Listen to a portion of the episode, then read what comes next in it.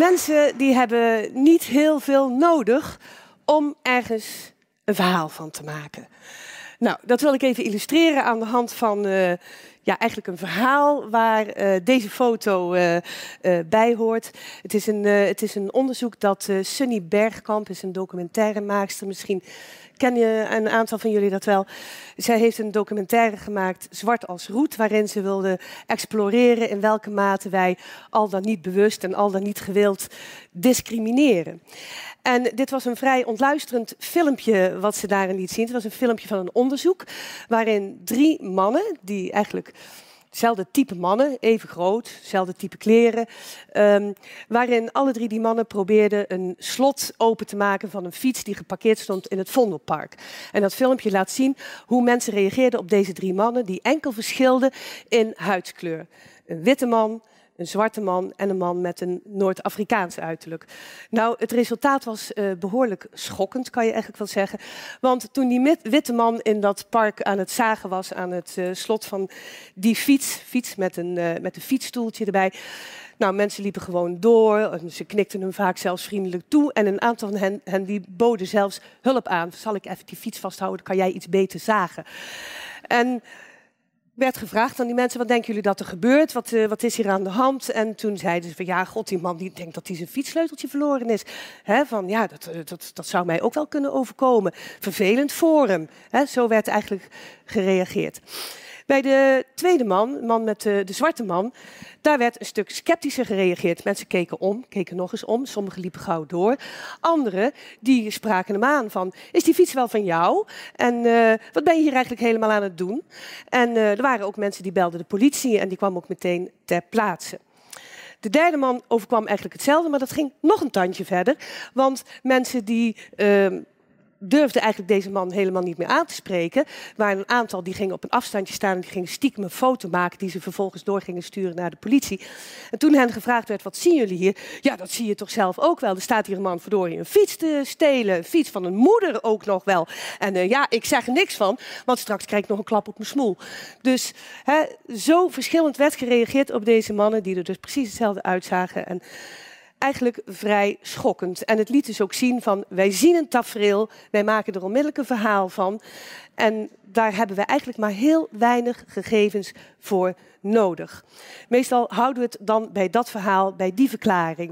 Ik kan er nog een, eh, een, een persoonlijk voorbeeld aan, uh, aan, toevoegen. Ik zat een paar weken geleden uh, in de trein van Amsterdam naar Nijmegen. Daar zit ik nog alles, want ik werk in verschillende plekken en ik woon in Nijmegen. En meestal werk ik ook in de trein, maar het was nu al laat. Dus daar had ik geen zin meer in. En er lag een krant, dus ik dacht, nou, ga lekker even de krant lezen. En toen kwam ik om een uur of twaalf in station Nijmegen aan. Gauw naar huis, kom thuis. En meestal kijk ik in de trein, dat deed ik nu ook. Heel goed van, heb ik niks laten liggen? Want ik ben een vrij slordig type, dus ik moet altijd goed opletten of ik niks laat liggen in de trein. Was niet het geval, behalve die krant dan.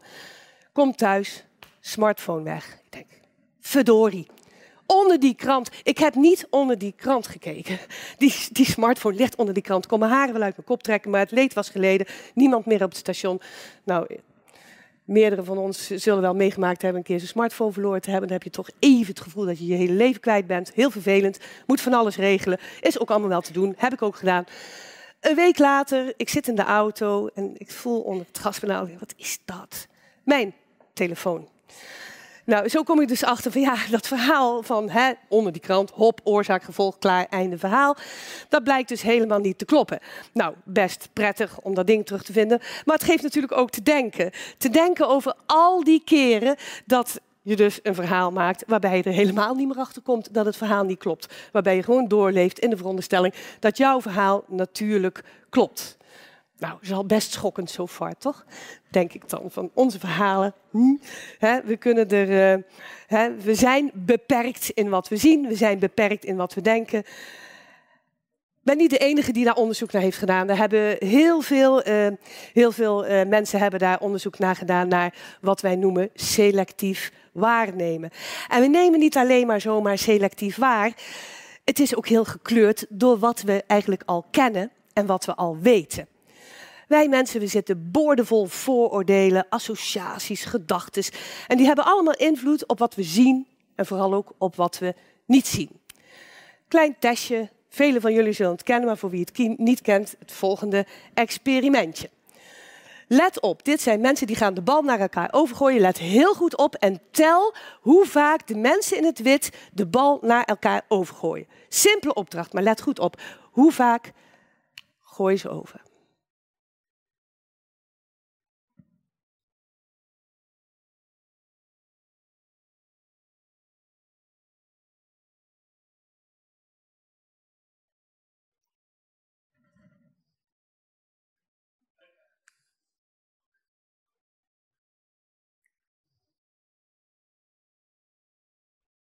Ja? Juiste aantal? Vijftien? Tien? Nee. Zestien? Zestien keer. Hartstikke goed. Nu zullen er ongetwijfeld een hoop mensen zijn die hebben dit filmpje eerder gezien. En die zagen natuurlijk die dikke vette gorilla. Hè? Allemaal gezien? Iemand niet gezien? Allemaal gezien? Voor mensen die dit filmpje voor de eerste keer zien, zo blijkt uit onderzoek, mist ongeveer de helft maar liefst de gorilla. De andere helft ziet hem wel meteen, maar de helft mist hem. Zijn er mensen die hem nog niet hadden gezien? Toch nog wel een paar. Hoef je niet voor te schamen hoor. Voor de mensen die de gorilla wel zagen, hebben die ook gezien dat het gordijn van rood naar geel ging? Iedereen gezien? Wie niet gezien?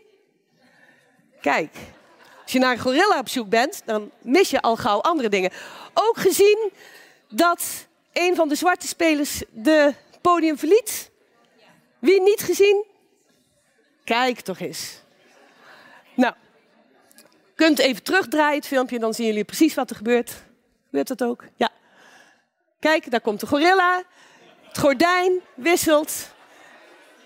En een van de zwarte spelers heeft het toneel verlaten.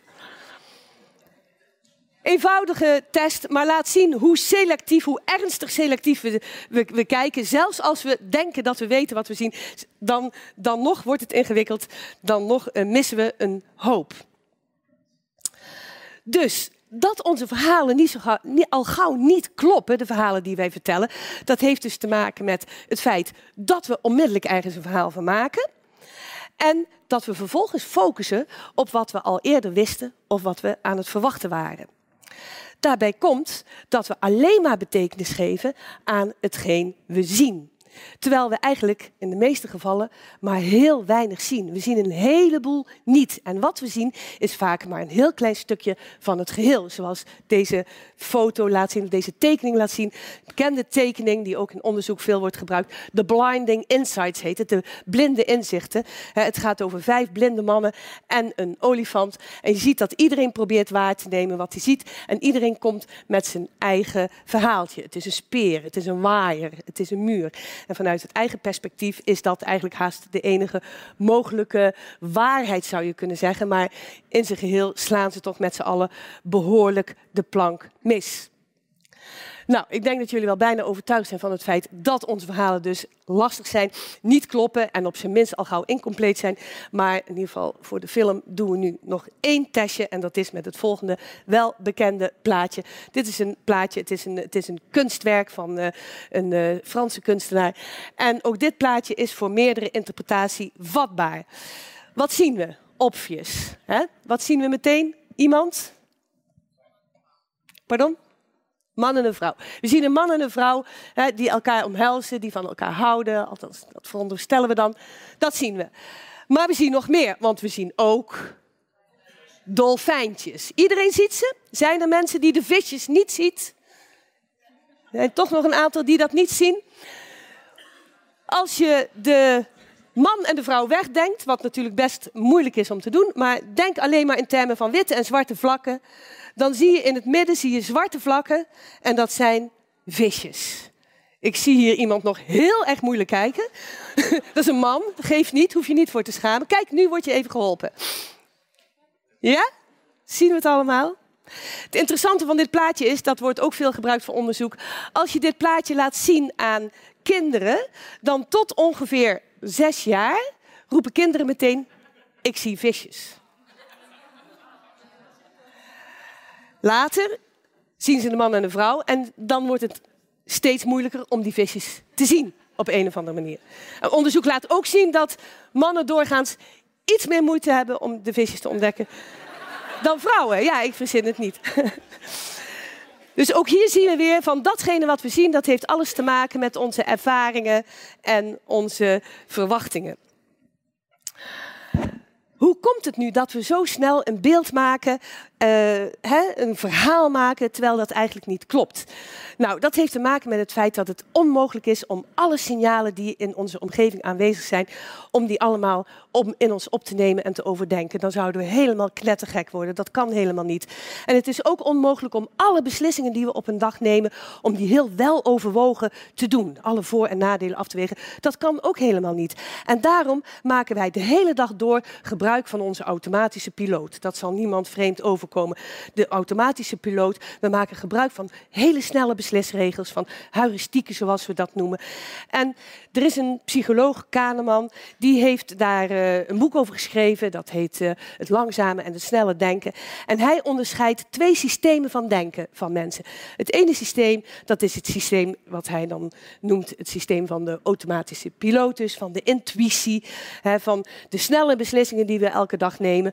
Bijvoorbeeld uh, um, pak ik de roltrap of neem ik die beweging even mee. Hè? Dat doen we in een split of een second. Of pak ik nou nog een derde bitterbal van die schaal, terwijl ik eigenlijk al veel te veel op heb. Whatever. Al die snelle beslissingen de hele dag door, die nemen we op de automatische piloot volgens dat systeem 1. Maar er zijn ook beslissingen die we op een dag moeten nemen of dingen die we moeten overdenken, waarbij dat automatische pilootsysteem tekortschiet. Als ik bijvoorbeeld vraag van hoeveel is 24 keer 117? Dan zullen er maar weinig mensen zijn die dat op de automatische piloot kunnen uh, beantwoorden, nietwaar? Misschien zijn er mensen die dat meteen heel snel weten, maar ik heb daar zelf toch enige tijd voor nodig gehad. Het is 2808, maar dat uh, heb ik uit mijn hoofd geleerd. Um, maar dat zijn dus dingen voor wat ingewikkelde beslissingen hebben wij ons systeem 2, het systeem van de overweging nodig.